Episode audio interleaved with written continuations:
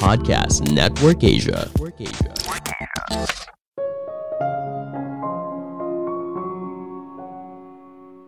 Orang lain akan lupa apa yang kamu katakan, tapi mereka tidak akan lupa pengalaman mereka bersama kamu.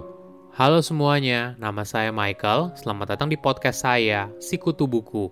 Kali ini saya akan bahas bagaimana caranya menciptakan sebuah pengalaman yang mengesankan bagi konsumen.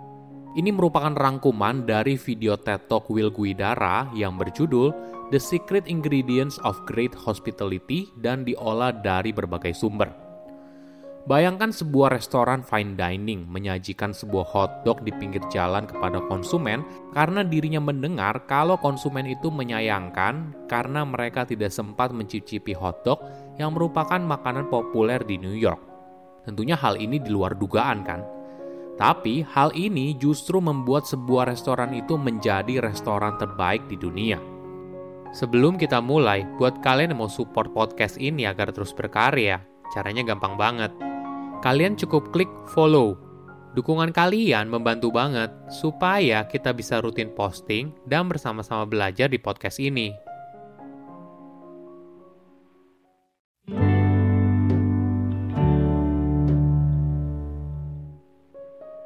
Selama lebih dari 10 tahun, Will merupakan pemilik sebuah restoran bernama Eleven Madison Park.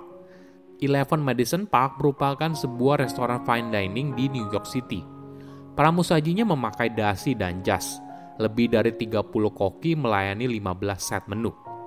Pada tahun 2020, restoran ini dinobatkan sebagai restoran nomor satu di dunia. Apa rahasianya? Tentunya yang pasti adalah makanan yang enak dan inovatif. Pelayanannya juga bagus, atmosfer restorannya juga boleh dibilang sangat mewah. Namun ada satu hal yang membuatnya berbeda dari restoran terbaik lainnya, yaitu sepotong hotdog ini yang pada akhirnya menciptakan sebuah strategi untuk menang, yaitu hospitality yang luar biasa.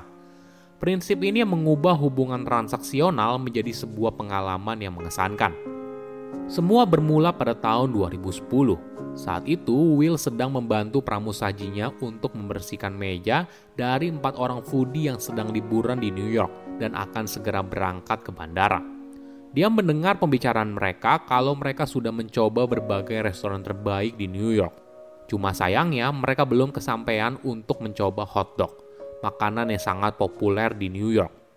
Inilah yang lalu memantik ide brilian di dalam diri Will. Dia lalu menaruh piring kotor di dapur dan pergi keluar untuk membeli hotdog di pinggir jalan New York. Hotdog itu kemudian dibawa ke dapur. Ini hal tersulitnya Bagaimana meyakinkan seorang chef untuk menyajikan ini di restoran fine dining? Tapi Will bersikukuh dan meminta chefnya untuk percaya pada dia dan ini sangat penting bagi dirinya. Akhirnya, chefnya pun setuju, memotong hotdog itu menjadi empat bagian dan menambah saus tomat, mustard, dan sedikit finishing. Hotdog itu disajikan sebelum hidangan terakhir dari menu makanan gurihnya itu bebek Muscovy berlapis madu lavender yang telah melalui proses dry age selama dua minggu. Teknik yang butuh bertahun-tahun untuk menyempurnakannya. Will lalu bilang, untuk memastikan kalian tidak pulang dengan penyesalan kuliner apa pun, hotdog dari New York City. Hal ini tentu saja mengejutkan mereka. Tidak pernah terbayang sebelumnya kalau restoran fine dining menyajikan sebuah hotdog dari pinggir jalan namun pengalaman unik ini justru berkesan dan menjadi cerita tersendiri dari perjalanan mereka di New York.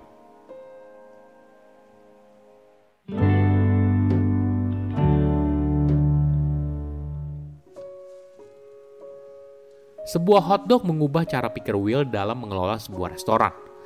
Selama ini, dirinya fokus pada kesempurnaan, memastikan setiap detail kecil terlihat begitu sempurna, hingga dia tidak menyadari satu hal yang paling penting.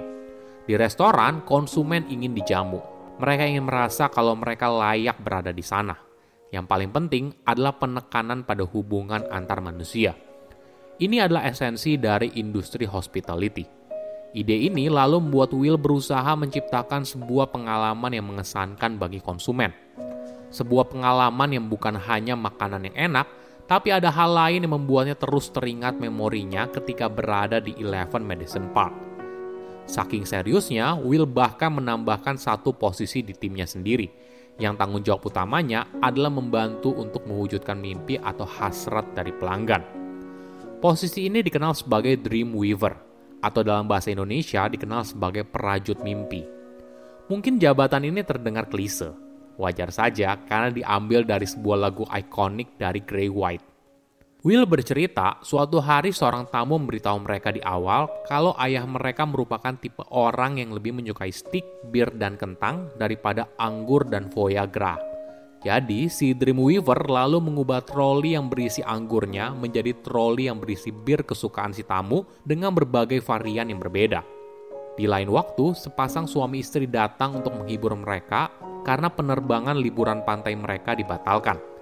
Jadi setelah set menu makannya selesai, tim dari Eleven Madison Park mengubah salah satu private roomnya menjadi pantai pribadi dengan kursi lipat, pasir di lantai, dan kolam anak-anak di mana mereka bisa mencelupkan kaki mereka sambil menikmati sebuah koktail dengan payung kecil di atasnya. Sedangkan di kesempatan lain, sebuah keluarga berisi empat orang dari Spanyol datang mengunjungi Eleven Madison Park dalam langkah liburan. Saat makan, anak mereka melihat keluar jendela dengan wajah berseri-seri karena saat itu hari pertama turun salju. Dan itu merupakan pertama kalinya mereka melihat salju. Jadi, setelah sesi makannya selesai, Eleven Madison Park menyediakan sebuah kendaraan lengkap dengan supir untuk membawa mereka ke Taman Central Park agar anak-anaknya bisa bermain salju. Ini merupakan contoh dari begitu banyak gestur yang dilakukan oleh Eleven Madison Park Hal ini tentunya membuat para tamu jadi lebih bahagia. Namun bukan hanya itu, karyawannya juga turut berbahagia. Kenapa? Karena mereka diberikan kebebasan untuk berpikir kreatif. Mereka tidak lagi hanya mengerjakan pekerjaan rutin mereka, misalnya menyajikan makanan bagi para tamu. Tapi mereka datang dengan ide mereka sendiri untuk menciptakan sebuah pengalaman yang mengesankan bagi para tamu yang hadir. Kebahagiaan yang dirasakan oleh para tamu juga menular ke mereka, dan pada akhirnya hal ini terus mendorong mereka untuk menciptakan pengalaman terbaik. Ketika mendengar kisah seperti ini, mungkin banyak orang yang skeptis.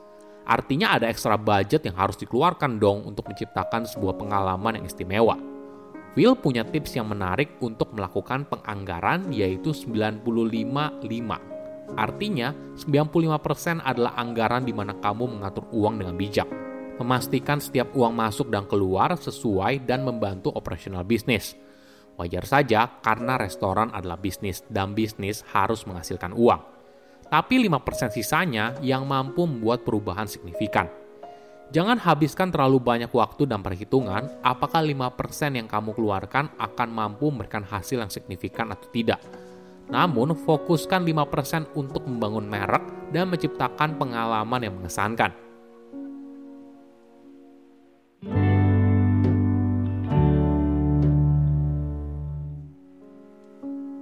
Menariknya, untuk menciptakan sebuah momen yang berkesan tidak hanya terbatas pada restoran. Hampir apa pun yang kita lakukan, kita berinteraksi dengan orang lain dan berusaha memberikan pelayanan yang terbaik, entah di real estate, retail, konstruksi, keuangan, dan sebagainya. Coba temukan cara bagaimana kau bisa memberikan pengalaman yang berharga bagi konsumen. Real estate misalnya, ketika seseorang membeli atau menyewa sebuah properti, biasanya hanya diberikan kunci saja dan ucapan terima kasih. Padahal proses membeli dan menyewa sebuah properti sering kali tidak berjalan singkat. Kadang prosesnya bisa panjang. Nah, bayangkan seorang agen properti menjual sebuah apartemen kepada sepasang suami istri dan menghadiahkan mereka sebuah yoga mat dengan disertai catatan selamat menikmati rumah yang baru. Hadiah itu muncul karena dia mendengar si istri kalau dia menyukai apartemen itu karena membayangkan dirinya akan yoga di pagi hari sambil melihat pemandangan dari balkon. Tentunya, sebuah hadiah kecil ini bisa jadi sangat berkesan dan merupakan awal dari hubungan bisnis jangka panjang. Saya undur diri, jangan lupa follow podcast Sikutu Buku. Bye-bye.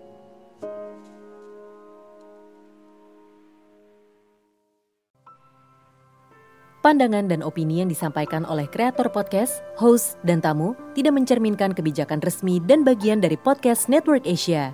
Setiap konten yang disampaikan mereka di dalam podcast adalah opini mereka sendiri dan tidak bermaksud untuk merugikan agama, grup etnik, perkumpulan, organisasi, perusahaan, perorangan, atau siapa pun dan apa pun.